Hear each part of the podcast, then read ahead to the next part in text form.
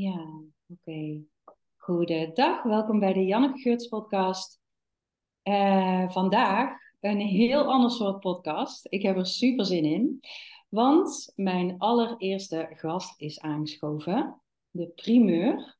En niet zomaar een gast. Um, zij is een heilig kind van God, een onlosmakelijk onderdeel van eenheid en pure onschuld. Maar dat zegt ons niet zoveel. Je hebt nu geen idee wie ik het heb. dus ik zal haar voorstellen aan de hand van de labels die we op haar zouden kunnen plakken. Bij mij vandaag is Kim de Graven, financieel businessstrateeg, die je leert toveren met tijd, geld en energie. Zij is tegen haar 33ste jaar financieel vrij geworden door het volgen van haar verlangens dicht bij zichzelf te blijven en gewaagde stappen te durven zetten. Ik zie haar als gevoelig en even krachtig, strategisch, maar ook even intuïtief, een groots ondernemer en liefhebbende moeder en vrouw. En ook nog eens enorm creatief. Ik vind haar vet inspirerend en daarom is ze hier. Welkom Kim. Ja, ik ben er even stil van. Uh, ja, ik word er emotioneel van zelf. Uh, mooie, wat, wat een mooie introductie, dankjewel. Ja, fijn dat je er bent. Heb ik je goed beschreven? Heb ik iets gemist? Heb ik iets gezegd waarvan je zegt, wat zegt ze nu? Al mijn schaduwkanten komen boven. dus, oh. uh, dus, deze, dus deze, ja, deze raakt wel, dankjewel. Oh, ja. Ik uh, had uh, iets leuks bedacht. Ik dacht, dan gaan we aftrappen met, met een soort van uh, onzin, ongein, maar ook weer niet. Ik zeg steeds twee dingen en dan moet jij gewoon het eerste waar je opkomt, dan ga je tussen kiezen. Oké, mooi. en als je denkt, wat fuck Janneke, dan zeg je pas.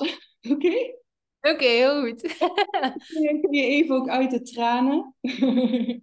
mag hoor, je, je, mag heel de podcast lang janken, ik doe het ook wel eens. Um, Oké, komt-ie. Zwembad of zee? Strand. Uh, nee, nee, dat is niet waar. dit is dus al fantastisch, hè? want dit is dus exemplarisch voor jouw brein. Misschien, misschien zelfs al exemplarisch voor financieel vrije mensen. Je mag kiezen zwembad of zee, strand. Ja, die, die, ik weet niet wat er gebeurde. Dat was heel intuïtief deze. Ja, ja dus, dus zee. Maar ik vind het dus wel al fantastisch, want het is dus een flauwe oefening maar ik heb ergens opgeschreven, want ik heb, ik heb jouw fantastische steengoede boek gelezen. Heb ik aangeraden aan mensen, hebben allerlei mensen ook gekocht en terecht. En daarin viel me eigenlijk iets heel gaafs op, waar ik heel blij van werd. Namelijk dat financiële vrijheid heel erg te maken heeft met creatief kunnen zijn. Niet eens per se met je startpositie, maar met hoe creatief je je brein is eigenlijk met het denken in mogelijkheden, uh, het zien van kansen, dat soort dingen. Ja. Is dat jouw grootste talent, creativiteit? Uh, dat, dat werd wel eens gezegd. En misschien wel. Ik, uh, ja, ik, ik zie mezelf altijd als heel strategisch. Dus dat, dat zie ik altijd als mijn grootste talent. Maar misschien zit er creativiteit ook nog echt heel erg aan te passen. En op zich doet het er niet zoveel toe wat het grootste is. Nee. Ehm, het is ook gewoon een leuke combinatie. Ja. ja. misschien liggen creativiteit en strategie wel in elkaars verlengde of zo. Dat je heel creatief bent in strategieën bedenken. Ik moet denken aan een voorbeeld in jouw boek, waar ik helemaal blij van werd. Ik weet niet of ik dat mag noemen, of dat ik dan te veel... Ja, ja, doe maar, doe maar. Ja. Ehm, over die man die op een zeilschip wilde leven. En dat, dan, dat hij dan dacht van, dan moet ik dan voor sparen en dan kan dat ooit op een dag. En dat is bleek na het berekenen van wat daar dan voor nodig zou zijn. En um, het schuiven met een aantal uh, stukjes die er al lagen, dus zijn huis en inboedel. En dus uh, dat het mogelijk voor hem was, per direct, om die droom te gaan leven, gewoon nu. Ja. Nou, ja, die kwam binnen, joh. Ja. Wel, ik, ik denk als ik nadenk over of, of voel uh, bij creativiteit, dan, dan ik denk dat we allemaal eigenlijk heel creatief zijn uiteindelijk. Ehm, als je kijkt naar kinderen, ik ken geen kinderen die niet creatief zijn. Hmm. Ze, dus ik weet niet zo, ik, ik, heb het gevoel dat, dat dit gewoon ons verbindt als mens, dat creatieve stuk. En dan stoppen we dat weg, want het is niet handig en het is het is ook niet handig. Mijn zoon is super creatief, maar heel vermoeiend. um, want ja, dan, dan graaft hij putten in de tuin. En als het gras iets hoger staat, dan valt hij erin. En dan, dan maakt hij gekke sapjes en steekt het in de frigo. En dan eh, in de koelkast, sorry voor de Nederlandse. En, en dan loopt het uit. En dan maakt hij putten in de muur, want hij heeft iets bedacht. En, en kinderen worden daar natuurlijk wel ergens tot op een bepaalde mate op afgestraft. Ook al is het een onderdeel van opvoeding van hm, dit is niet zo handig. Mm En dan heb ik eerder het gevoel dat we op een bepaald moment stoppen. Dus om niet te zeggen, want vaak als mensen dan op mij plakken van, oh, maar jij bent uitermate creatief bijvoorbeeld, heb ik het gevoel van, oh, wacht, wacht, wacht, want ik geloof wel dat iedereen dit kan. Want ik geloof eigenlijk dat die creativiteit in iedereen zit. Ja, dus meer dat het onze natuur is en dat daar dingen gebeuren in de conditionering, uh, dat we daar niet meer bij kunnen of dat we dat afsluiten of zo. Ja, het is niet handig. En hmm. het, is niet, uh, ja, het is niet gewenst. Je wordt ervoor afgestraft en afgewezen. En we mogen niet meer doen. Is dat bij jou altijd open gebleven, die creativiteit? Of heb je dat ook opnieuw moeten uh, ja, openbreken in jezelf? Um, ik, ik kan wel zeggen dat mijn, mijn ouders hebben mij daar wel altijd in aangemoedigd, omdat dat ook maar het, het enige was waar ik goed in was. dus dat was ook echt het enige. Ik was slecht in taal, slecht in wiskunde, slecht in alles wat op school geleerd werd. Dus het enige dat ik goed kon was schilderen, tekenen. Uh, uh, en, en dat werd dus wel aangemoedigd. Dus daarvoor ben ik ze wel dankbaar. Mm. Alleen in het praktische gedeelte, dan in het um, oplossingsgerichte, dat creativiteitsstukje, daar werd ik dan wel in um, beperkt. Want dan was ik, een, was ik bemoeiziek of speelde ik te veel moedertje of um, uh, ja, dus dat soort dingen. Of een bedweter. Ik weet niet hoe dat je... Noemen jullie dat ook zo in Nederland? Bedweter? Ja. ja. Ja, dus dat waren dan de stempels die ik dan veel vaker kreeg. Um, Zag jij dan bijvoorbeeld een mogelijkheid of zo die je benoemde? Of... Ja, ja dat, dat was inderdaad meestal het stukje van, oh, maar we kunnen dit zo of zo ook doen. En dan, wat weet een kind daarvan? Dus het was, het, was, het was langs de ene kant werd ik aangemoedigd en langs de andere kant ook niet. Dus het was in, in de vorm zat er dus wel een verschil op. Dus, en dat heb ik wel terug moeten openbreken later. Maar eigenlijk um, niet. Eigenlijk was het een verplichting. Ik ben heel vroeg alleen gaan wonen. Mm um, en het, het, ja, het kiezen om op je zeventiende eigenlijk alleen te gaan wonen, um, zorgt er wel voor dat je moet gaan nadenken over hoe dat je dingen wilt aanpakken. Um, mijn diploma niet halen was geen optie in mijn hoofd. Um, dus dat, dat, dat is zo. Daar heb ik ook nooit aan gedacht om dat niet te behalen. Um, maar ja, er moet ook wel eten op tafel komen en boeken betaald worden op school. En zeker in de hogeschool, want ik heb nog iets verder gestudeerd, wordt dat ineens een heel dure grap. Um, inschrijvingsgeld is dan bij ons al, al, bij jullie is dat nog hoger, denk ik, toch? Oh, geen idee. Ik ben niet van de schoolroute. Nee, goed, maar iedereen is inderdaad daarin anders. Bij mij was dat zo, mijn familie heeft het altijd gedaan, dus ik ook. Um, uh, maar goed, en um, ja, dus inschrijvingsgeld was, was denk ik iets van een 500 euro dan de boeken. Dus dat, dat, dat loopt gewoon op. En um, ja, dan, dan moet je wel creatief gaan worden. En dan moet je wel gaan denken van, oh, hoe gaan we dit eigenlijk oplossen? En zijn er andere mogelijkheden, zoals bij ons het OCMW, jullie, ja, um, eigenlijk voor mensen te helpen die, die ja, beperkter zijn in het financiële stuk. Ik weet niet hoe dat jullie dat noemen. Uh, maar bij ons noemt dat OCMW. En uh, ja, dus, dus heel veel zoeken en dat werkt niet en dat kan niet en misschien kan dat wel. En uiteindelijk word je gewoon heel creatief. ja. ja, ik hoor wel iemand die dus de hele tijd zoekt in mogelijkheden. Is dat aangeboren, aangeboren of ja, aangeboren? Uh, het is niet standaard, want je zou ook kunnen zeggen: ik, uh, ben nu al het huis uit, of ik moet nu eigenlijk al het huis uit. Um, het zit me allemaal tegen. Um, ik heb er geen zin meer in. De wereld is stom, weet je wel? Ja, ik vind de wereld gewoon heel stom. En ik ga gewoon heel veel bier drinken. En, uh, en dan zien we allemaal wel. Hmm. Wat, wat, wat was dat in jou, dat je dat zo deed, denk je? Ja, ik heb ook wel veel gedronken hoor. ik kan, sorry. maar, goed.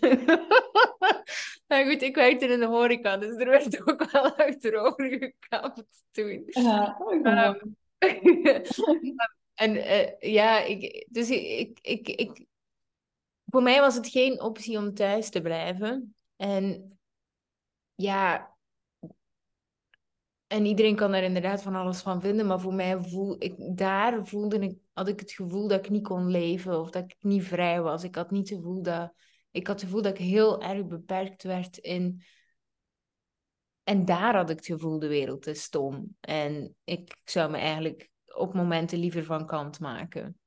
En, en, en ik kan wel echt zeggen dat ik een hele donkere tiener ben geweest. En dat voor mij alles van mijn schouders viel op het moment dat ik uh, de deur uitging. Hmm. Dus, dus ik, ik weet het niet. Ik zag het meer als een geschenk van een... Kans.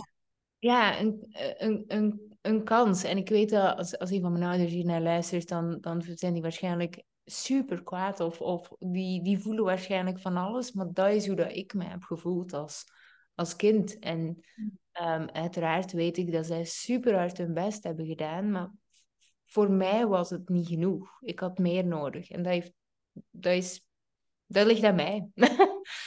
maar goed, en daarvoor heb ik wel gekozen uiteindelijk. Mm Ja.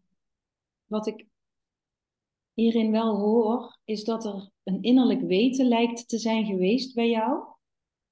Want je kwam van een situatie die voor jou in ieder geval niet klopte, los van of de mensen kloppen en je, met jou is niets fout, met die mensen is niets fout. Het is gewoon een dynamiek die niet werkt. Links of rechts, zo zie ik het dan, hè? Even mm -hmm. erop geplemd. maar in ieder geval, het was onbevredigend voor jou. En dan kom je eigenlijk in een situatie die ook heel uitdagend is. En jij ziet dat als een kans. En ik hoor dan een soort innerlijk weten van er is iets moois. Want als je zegt, ik voel me niet vrij, dan is er een soort innerlijk kennen van vrijheid of zo. Van ik weet dat het er is, of ik, de, ergens is iets. Ik kan iets vinden of bereiken of neerzetten.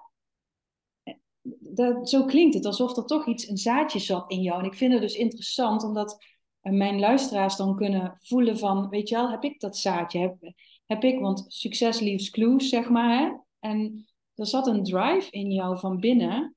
En die ging dus over zo voel ik me in ieder geval nog niet vrij. En hoe dan wel? Ja, ja ik, ik heb altijd ook als kind al genoten van alleen zijn. En nog steeds, ik heb dat echt zo hard nodig. Ik ben niet graag heel de dag door bij mensen. Of ik vind het soms zelf vervelend, super grappig. Uh, vanmorgen ging ik naar de pedicure. En de manicure, dat is manicure shit. maar goed, uh, dat. En um, en ik zat daar en iemand zei, ben jij Kim de Graven? En, en, ik, en ik merkte ook meteen een gevoel van gevangenschap. Van, oh, ik kom hier eigenlijk gewoon genieten. Ik wil hier eigenlijk gewoon op mijn eentje mij laten verwennen. En ik wil eigenlijk niet praten met u. Dus dan had ik zo het gevoel van, oh, ik, dus zo snel voel ik me eigenlijk gevangen. is misschien heel vreemd, maar... En ik weet wel als kind dat... Ehm, een van de leukste momenten ook. Ehm, als kind had ik, als mijn vader en, en, mijn moeder naar de voetbal gingen. Heel jong was ik toen nog, want ze waren ze nog samen. En uh, toen was er een heel grote berg, weet ik veel wat, aarde.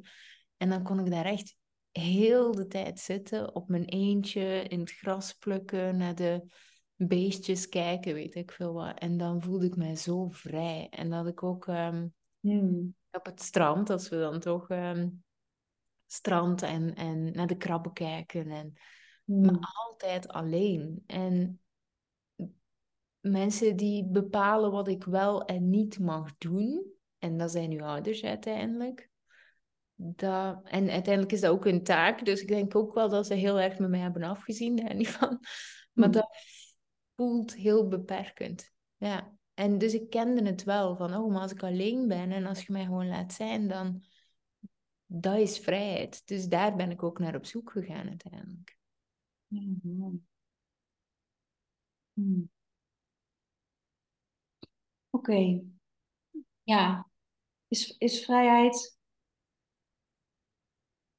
Ik heb jou wel eens horen zeggen: geld is voor mij vrijheid. Ja, en ook niet. nee, precies. Want het is, het is niet het geld aan zich, maar wat het voor jou kwam betekenen in je leefstijl, in je mogelijkheden. Of bedoel je dat niet zo? Ja, ik, ik denk dat geld vooral gewoon geld is. En dat te zien is wat dat als je geld op een podium zet, dan wordt het heel gevaarlijk, want geld is in principe een middel naar datgene wat je graag wilt.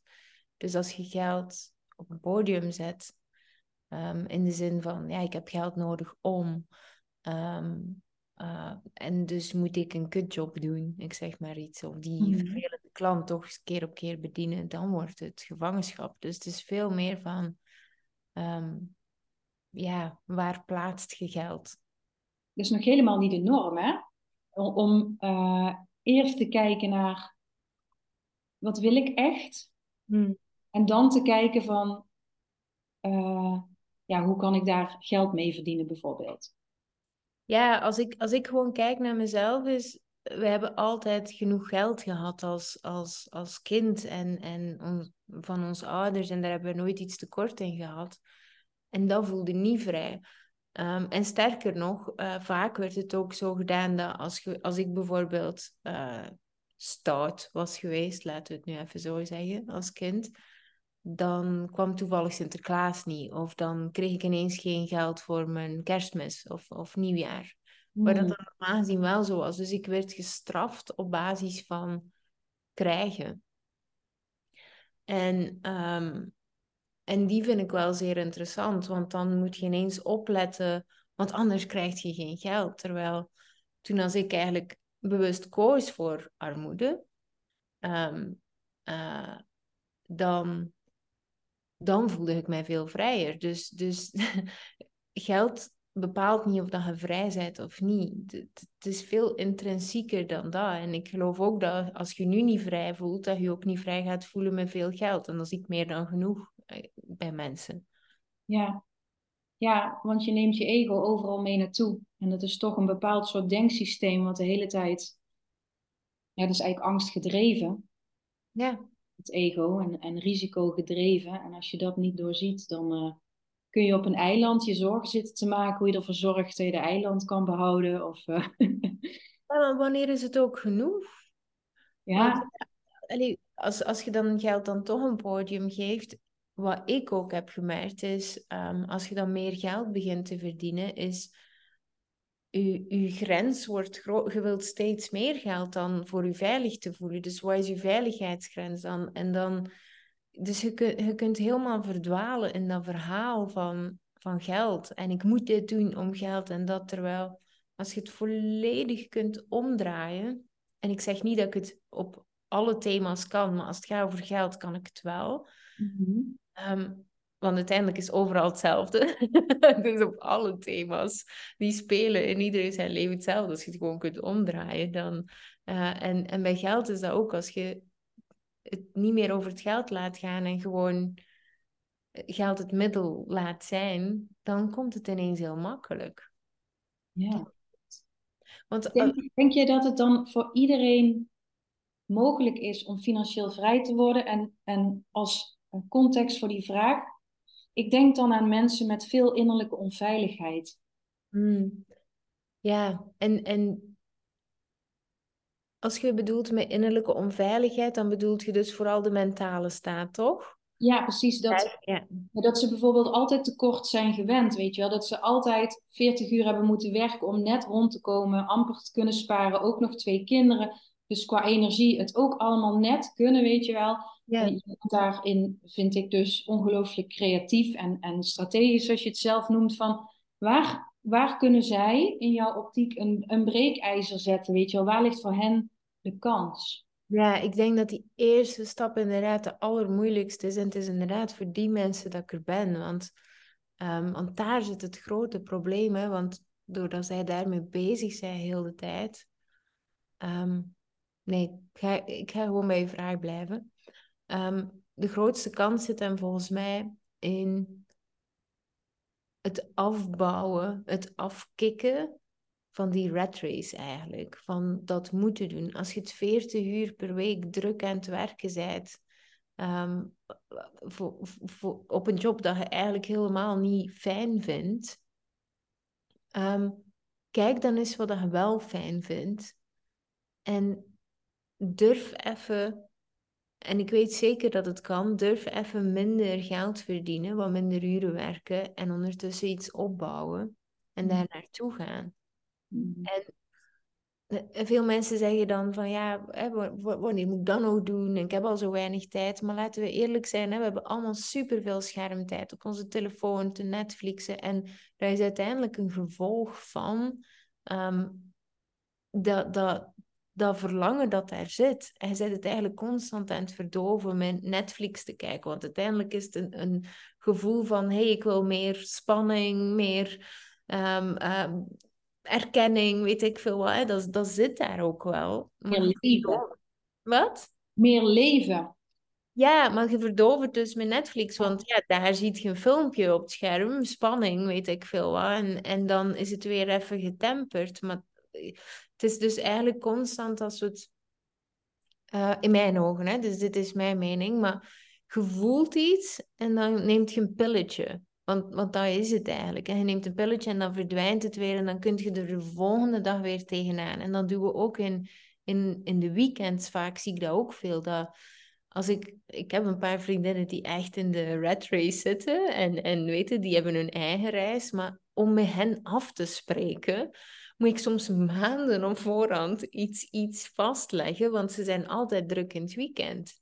Mm en dat is ook weer een vorm van niet. Het is bijna een verslaving geworden om die afleiding te zoeken, zodat die pijn er niet zit. En die pijn is net nodig om dat verlangen te kunnen najagen. Dus het is heel interessant om mm uh, te gaan zoeken wat wil ik nu eigenlijk echt. En die stilte tegelijkertijd te gaan opzoeken om dat ook echt te kunnen gaan voelen. En dat willen mensen vaak niet, want daar zit die pijn. En dan wordt het ongemakkelijk. Ja, dus eerst voelen, durven voelen. En ook goud eerlijk dus kunnen gaan worden naar jezelf in eerste instantie. Uh, wat je misschien vakkundig hebt weten te onderdrukken. Bepaalde ontevredenheid en uh, onvrede in je. Ja. Ik, uh, ik zie dat, dat patroon wel eens in de vorm van bijna dwangmatig mediteren en met spiritualiteit bezig zijn. Echt als een verdoving van stiekem wil ik een super vet leven, maar dat durf ik niet. Dus, dus um, ga ik helemaal de spiritualiteit in. Dus ook spiritualiteit is ook een hele grote verdover vaak. Ja, zeker. En, en um, eigenlijk alles, hè. Het um, uh, consumeren van kennis en, en ja, hoeveel mensen dat, dat ik ook leer kennen, hè, want ik help mensen natuurlijk met die weg. En, en er zijn ook gewoon veel mensen die na vier maanden training nog steeds tegen mij durven zeggen: er zijn er niet veel, maar er zijn er wel. Ik weet nog steeds niet eh, wie ik ben en wat ik wil. Maar dan is het gewoon even klaar. Dan is het echt omdat het niet wilt gewoon. Dan, dan zit je, dan, dan blijft je dus toch stiekem ergens elke keer opnieuw verdoven. Want van binnen weten we het wel.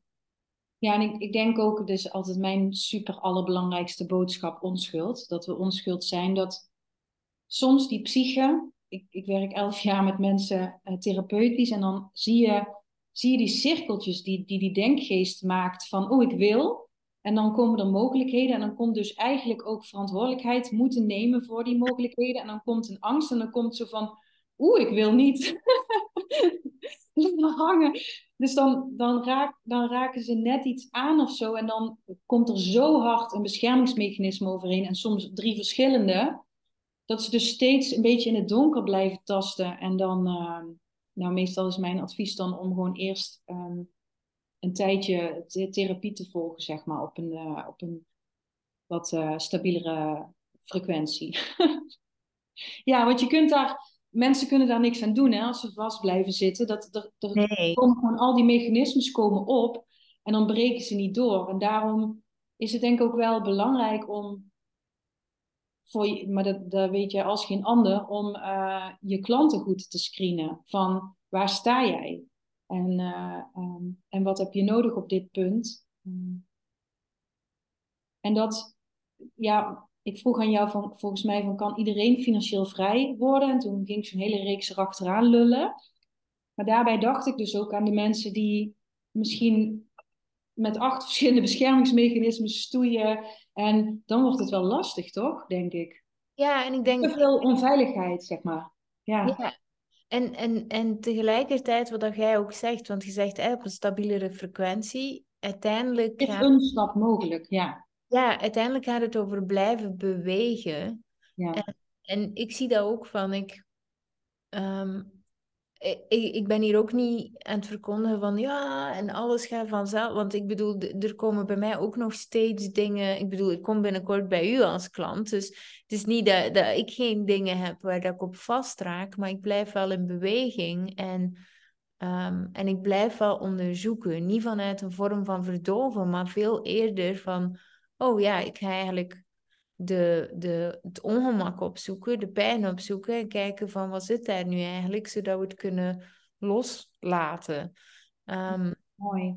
En, en dat vertrouwen ook gewoon hebben van dat het, ja, dat het uiteindelijk uh, los ja, weet ik veel. Uh, waar, is, waar, is, jouw vertrouwen op gebaseerd? Want misschien helpt dat mensen die denken van ja, ik heb dat vertrouwen niet dat het, dat ik die stappen kan zetten en dat er echt dan iets wezenlijks gaat veranderen. Kun je daar misschien iets over vertellen vanuit jouw leven? Ja, weet je, we, we, we, wonen in eigenlijk een fantastisch land. Hè? Ik bedoel, België of Nederland, wat dat er ook gebeurt, we worden altijd wel opgevangen. Er zijn altijd wel systemen die, die ervoor zorgen dat je, dat wordt opgevangen. Dus, dus eh, mensen denken soms van, oh, als ik die stap doe, en het gaat fout, dan lig ik morgen onder de brug in een kartonnen doos. Maar er zijn er nog zoveel stappen tussen.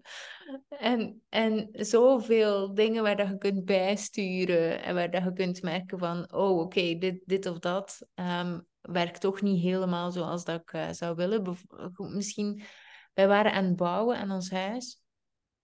En... Um, uh, een van de dingen wat er gebeurde bij mij was, ik, ik heb graag financieel overzicht, dat wel, maar ik voelde ook van, oh, dit kostenplaatje wordt meer dan dat ik eigenlijk, waar dat ik me eigenlijk goed bij voel op dat moment. Ik moet harder beginnen werken, heb ik het gevoel. En ik, ik, ik, ik wil, niet, ik wil niet moeten werken voor het geld. Ik, ik wil werken voor mijn missie, ik wil werken voor mijn klanten wil werken om iets, om iets te ver, niet te veranderen, want dat klinkt zo, maar om, om mensen meer te kunnen brengen, om, om mensen gewoon meer te kunnen laten bewegen. Maar ik wil niet werken voor geld. Daarvoor doe ik het niet. En één keer dat, dat geld nodig begon te worden in huis, dan, dan had ik zoiets van, oké, maar stop. Um, en toen hebben ik en Manu eigenlijk gesproken en toen hebben we heel veel werken een jaar verschoven. Hmm. Um, dus nu zijn ze pas begonnen en het klinkt heel uh, raar nu, maar goed, het zwembad stond twee jaar geleden op de planning. Het, het, is, ze zijn, het is nu nog maar pas af. En misschien kunnen zeggen van ja, je had niet echt een zwembad nodig, maar dat was wel wat we graag wilden. En uiteindelijk heb ik ervoor gekozen om... Het is ergens een dans tussen ja, weet je, het, het hoeft niet allemaal nu. En het is ook soms goed als je voelt van er zit een bepaalde stress op of weet ik veel wat, dat je eigenlijk gewoon bepaalde dingen uitstelt. Dus ik kon ook gezegd hebben, nee, we moeten allemaal alles dit jaar. Ehm, en dan was ik beginnen werken voor geld en dan had ik hard gewerkt. Dan was ik een vervelende moeder geweest. En niet dat je automatisch als je hard werkt een vervelende moeder bent. Maar in mijn geval, um, ik ken mezelf. Als ik um, te veel bezig ben met mijn werk, dan word ik een vervelende moeder. Mm en dat waren allemaal dingen dat ik niet wilde. Dus je kunt altijd bijsturen. Dus pak nu dat je een bepaalde keuze maakt in je leven, van je wilt dat graag, dan kun je al bepaalde stappen zetten en dan voelen van, oh, maar, maar oké, wacht, want nu vind ik het even te, te spannend of te zwaar of weet ik veel wat. En dan kun je het toch nog weer vertragen. Dus er zit zoveel rek op. En ja, dat eigenlijk ons denksysteem heel snel meteen projecteert van hoe, als ik die keuze maak, dan kom ik in een lawine, weet je wel. En, dan, en jij zegt, vertrouwen kun je eruit halen van, je bent er elke stap van de weg bij. En je kunt overal bijsturen. Ja. Nou, dat is wel een hele mooie praktische, ja, ja, ja. denkwijze of zo, ja. Ja, want zelf, de, dat, is zo interessant ook, want zelf een huis bouwen bijvoorbeeld. Pak nu dat je zegt van ik, ik, ik wil een huis bouwen. Je kunt ook zeggen van ja, ik maak de eerste verdieping af en ik leg hem al toe met weet ik veel wat. En volgend jaar bouw ik de volgende verdieping, weet ik veel wat. En mhm. wat ook interessant was, was achteraf bekeken, ehm, hadden we het wel in één keer kunnen doen. Er kwam ineens wel veel geld, omdat ik het niet deed voor het geld. Zo'n mooie paradox, hè? Ja. Geloof jij in de wet, of geloof jij, wat heb jij met de wet van de aantrekkingskracht? Hmm. Ik, uh, ik geloof in de wetenschappelijke uh, uh, term van de wet van aantrekkingskracht. Want tegenwoordig zie ik er toch wel heel veel, oh, toch wel heel veel zweverigs rond. En er, en er is niks met zweverig zijn of zweverig doen of weet ik veel wat. Maar het is eigenlijk gewoon heel simpel. En het is zo wetenschappelijk ook gewoon. Van ja, zet die bril op en dan ziet je dat. En, en ja, dus, dus ja, uiteindelijk is het dat gewoon voor mij. Dus het is zo simpel ook gewoon. En ik, ik hoorde jou ook ehm, ergens, want ik heb van alles, ik heb je podcast zitten luisteren, ik heb je boek gelezen, dus ik kan het even allemaal niet meer plaatsen. Ik volg je op Instagram. je bent even all over my life. Ehm, over energie. Eh, dat ik wel een beetje zo tussen de regels doorlas van jij maakt wel jouw energie. Uh, je zegt van energie, tijd en geld zijn drie gelijkwaardige componenten, zijn drie gelijke delen eigenlijk. Mhm. En, uh, maar ik, ik zie je wel zeggen van ik moet mijn energie volgen, zeg maar. En, en het is belangrijk dat mijn frequentie goed is. Ja. Kun je daar iets meer over vertellen? Hoe jij, hoe jij dat uh, invult in jouw leven? Want ik, uh, ik ben het helemaal met je eens. Even uh, vooraf al, als in... Ik zet mijn energie altijd bovenaan. Omdat in mijn visie is er alleen hier en nu. En is thuiskomen in het hier en nu is een goede frequentie. Dus als ik daar niet in zit, dan ben ik verloren in verhalen van het ego die niet kloppen met wie ik werkelijk ben. En dat leidt mij van mijn padje af. Hmm. Dus uh, whatever de hele wereld van mij wil, als het even kan, dan zorg ik voor die alignment door te zorgen dat ik thuis ben in mezelf en dat mijn energie goed voelt. Dus als dat betekent een dutje doen terwijl ik een podcast op wilde nemen, dan komt die podcast later. Ja. Dat is hoe ik onderneem en hoe ik werk. Hoe, hoe ziet dat er voor jou uit? Ja, ja zeker.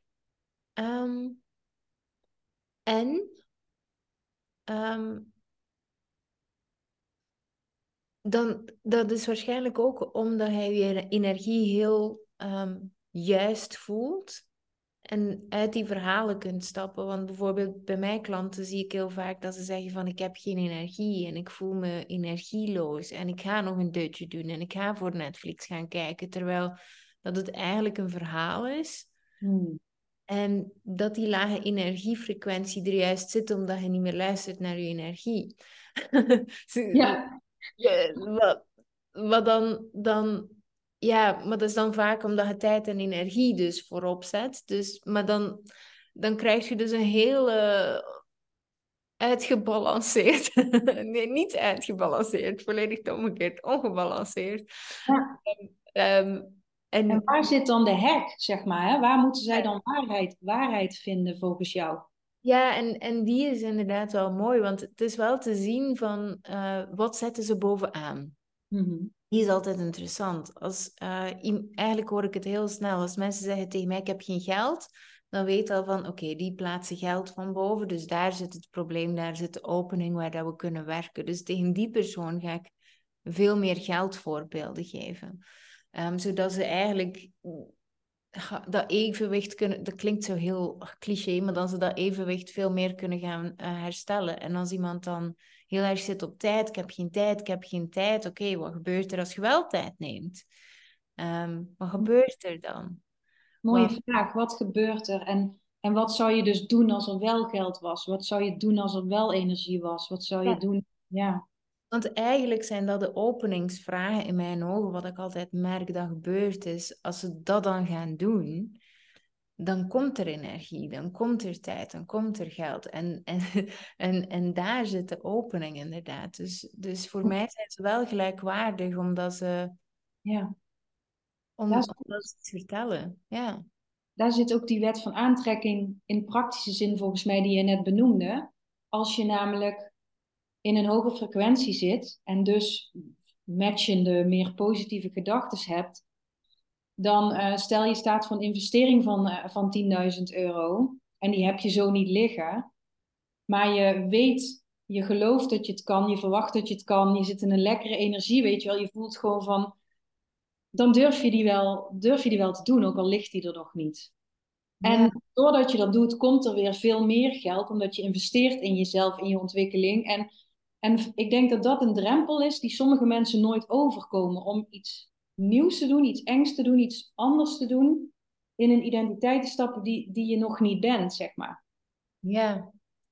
Ja, en dat is ook de moeilijkste stap. Ik denk dat we het in het begin even vernoemden en dan zijn we er niet dieper op ingegaan. Die eerste stap is de moeilijkste, want dan springt je echt in een diepe.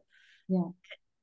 En weet je eigenlijk niet, ja, eigenlijk toen mij een beetje denken gelijk alsof, um, ja, je hebt geen controle, je hebt het gevoel dat je geen controle hebt. Je weet niet hoe lang dat het oncomfortabel gaat zijn. Dus je springt echt in het diepe, alsof dat je adem moet inhouden van iemand en je weet niet hoe lang dat het gaat duren. Of dat je het gaat volhouden. Of eh, dat.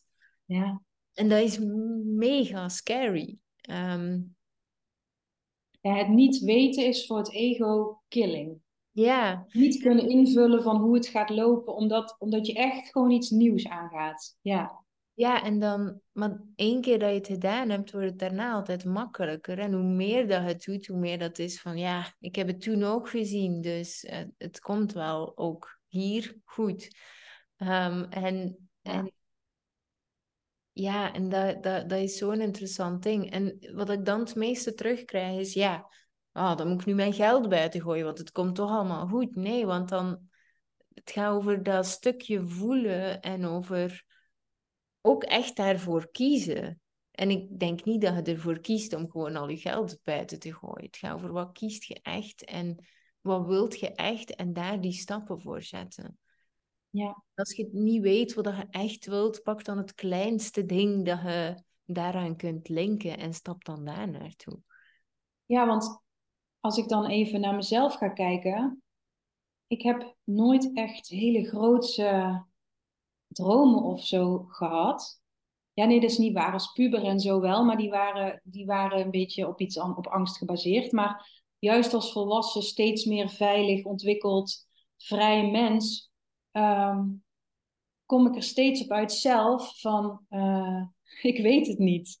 Maar dat weerhoudt me er niet van om expressie te geven aan wie ik ben.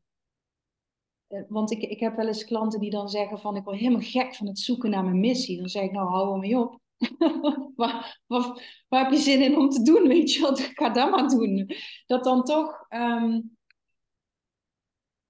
ja, bij mij het, ik heb niet de ervaring dat ik een doel moet hebben.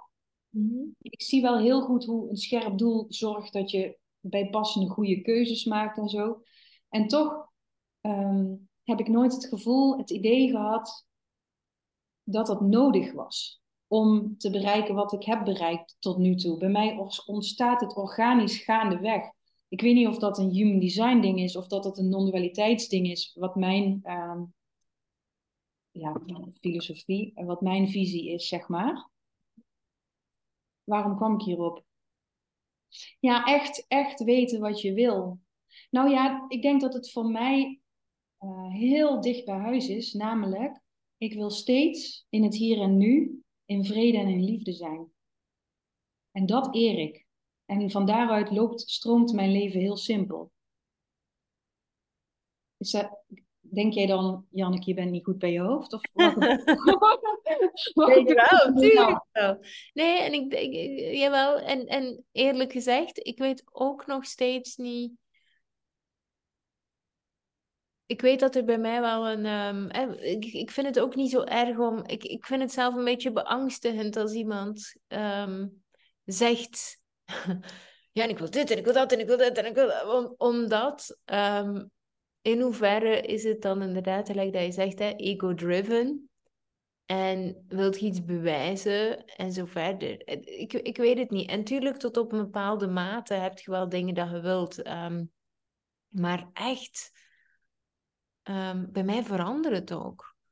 Het was, het was eerst hm. veel kleiner. Eerst was het, oh, ik wil mensen helpen eh, om financieel slimmer te worden. En toen als ik merkte van, hey, dit gaat eigenlijk goed, maar wat dat mij nog meer interesseert in die weg, is dat die mensen, doordat ze constant in die schaarste zitten, eigenlijk de stroom van geld tegenhouden. En daardoor is er niet genoeg in de wereld. Oeh, dat is mooi. Dat is een mooie, mooie conclusie waar ik meteen heel nieuwsgierig naar word. Ja, heb je het boek al volledigheid gelezen? Absoluut, ja. Ah, dus dus daar op het einde spreek ik erover. Hè? Inderdaad, van het geld moet circuleren. En na mijn boek uh, heb ik daar nog meer eigenlijk over zitten nadenken. En nu zou ik het laatste stuk van mijn boek helemaal anders schrijven, maar goed. Uh, moet een keer. niet tegen. De, de, volgend jaar zou je hem weer anders schrijven, ja. Ja, nee, voilà. En ik kan altijd een sequel doen, dus dat is nu niet het ding. Maar wat, die is wel interessant, dus ik voel wel van...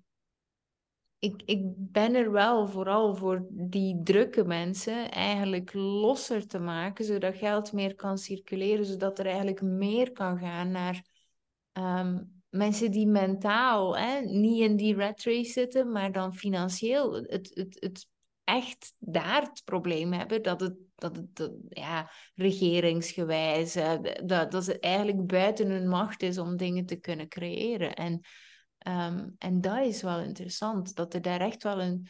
Er is genoeg in heel de wereld, er is genoeg eten, er, er, er, er is genoeg eten.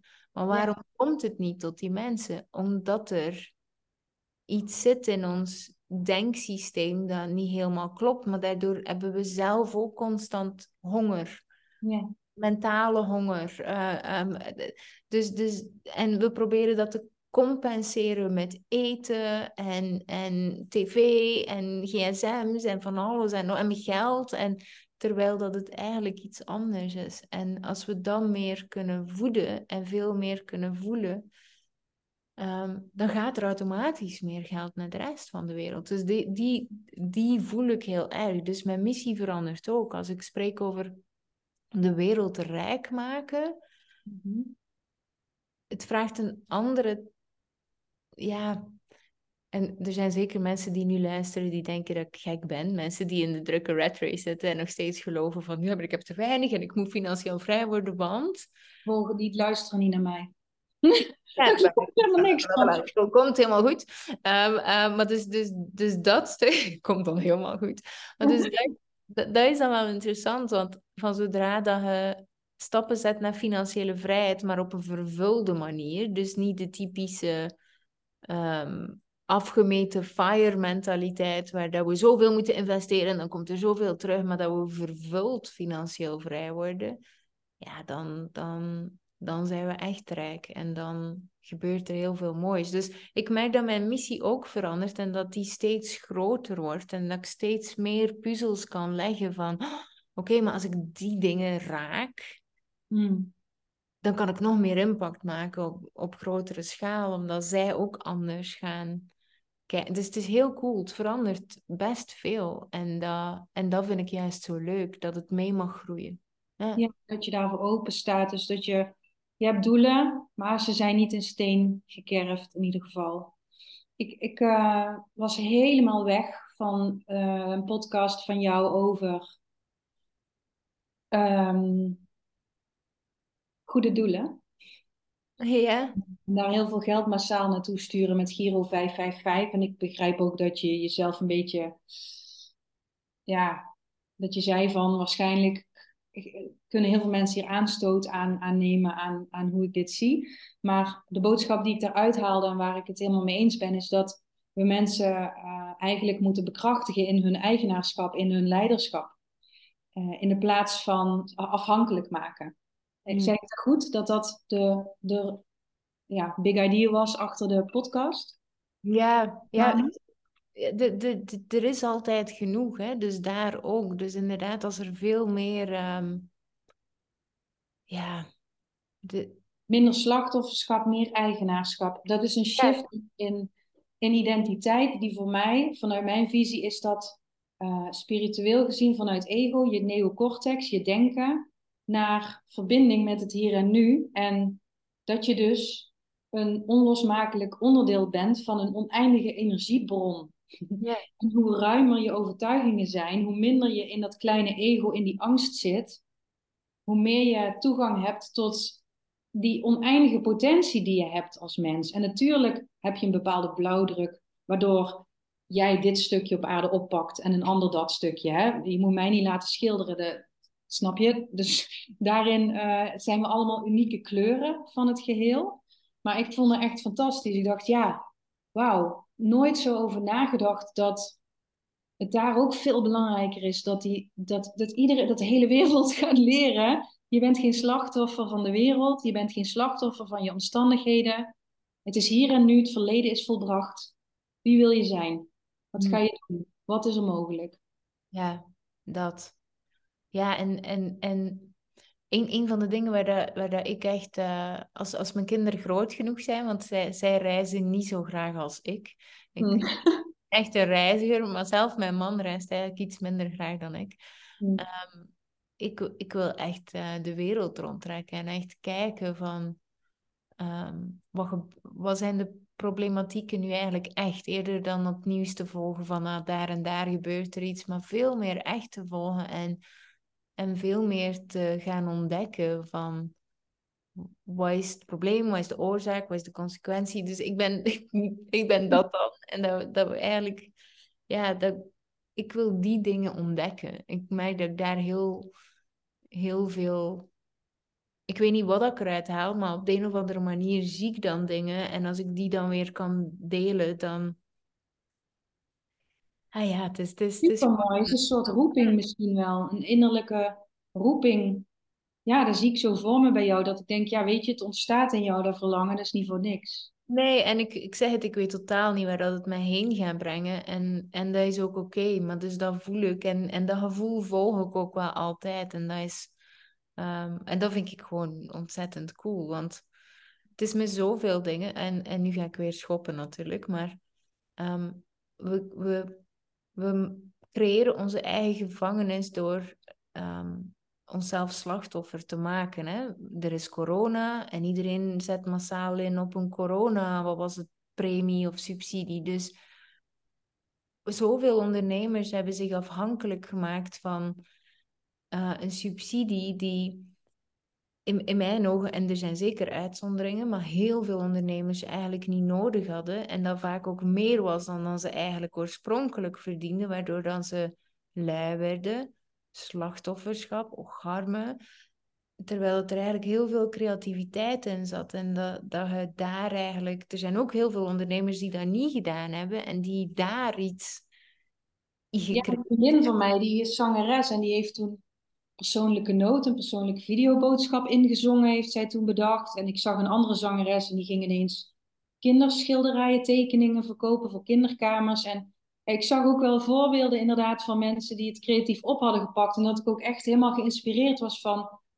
En dat ook benoemd heb van ik vind het zo cool hoe je dit doet. Ik, ja, wauw, love it. Geweldig.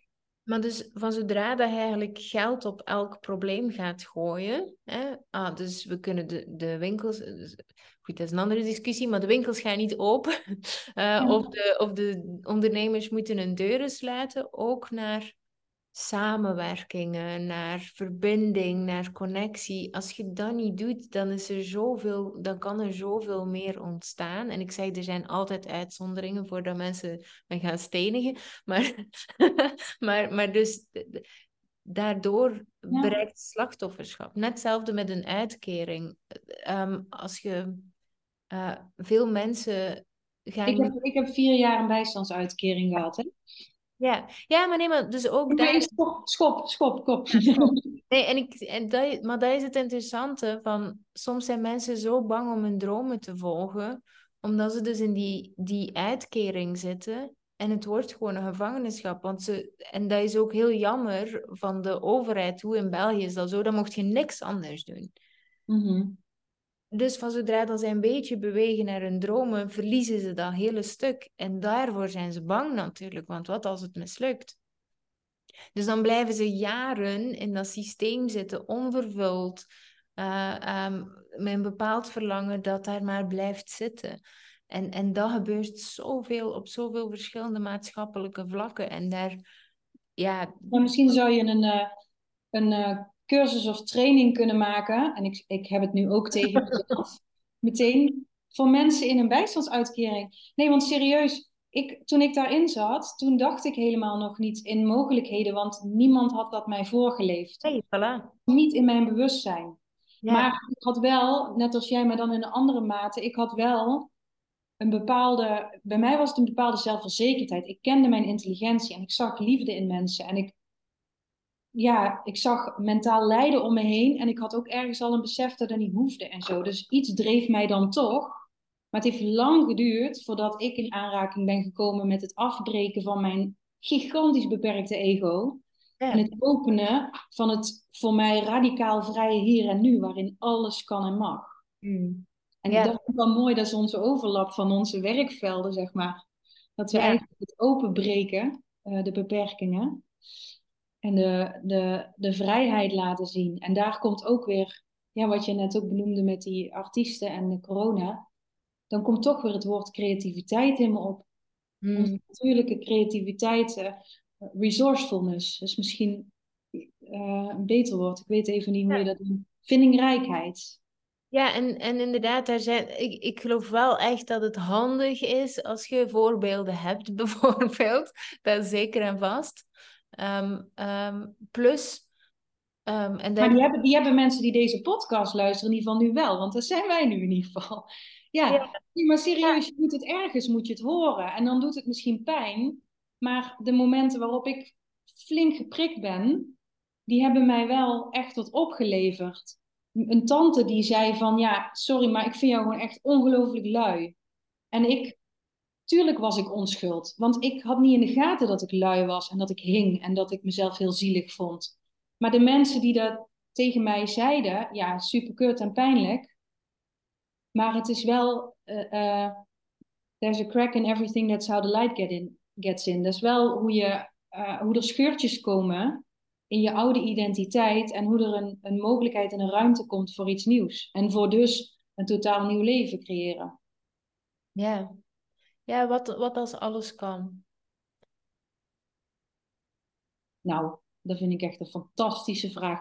En dan die vraag, uh, lieve luisteraar, meenemen naar je, naar je schrift en naar je privé slaapkamer. En daar heel diep mee gaan zitten.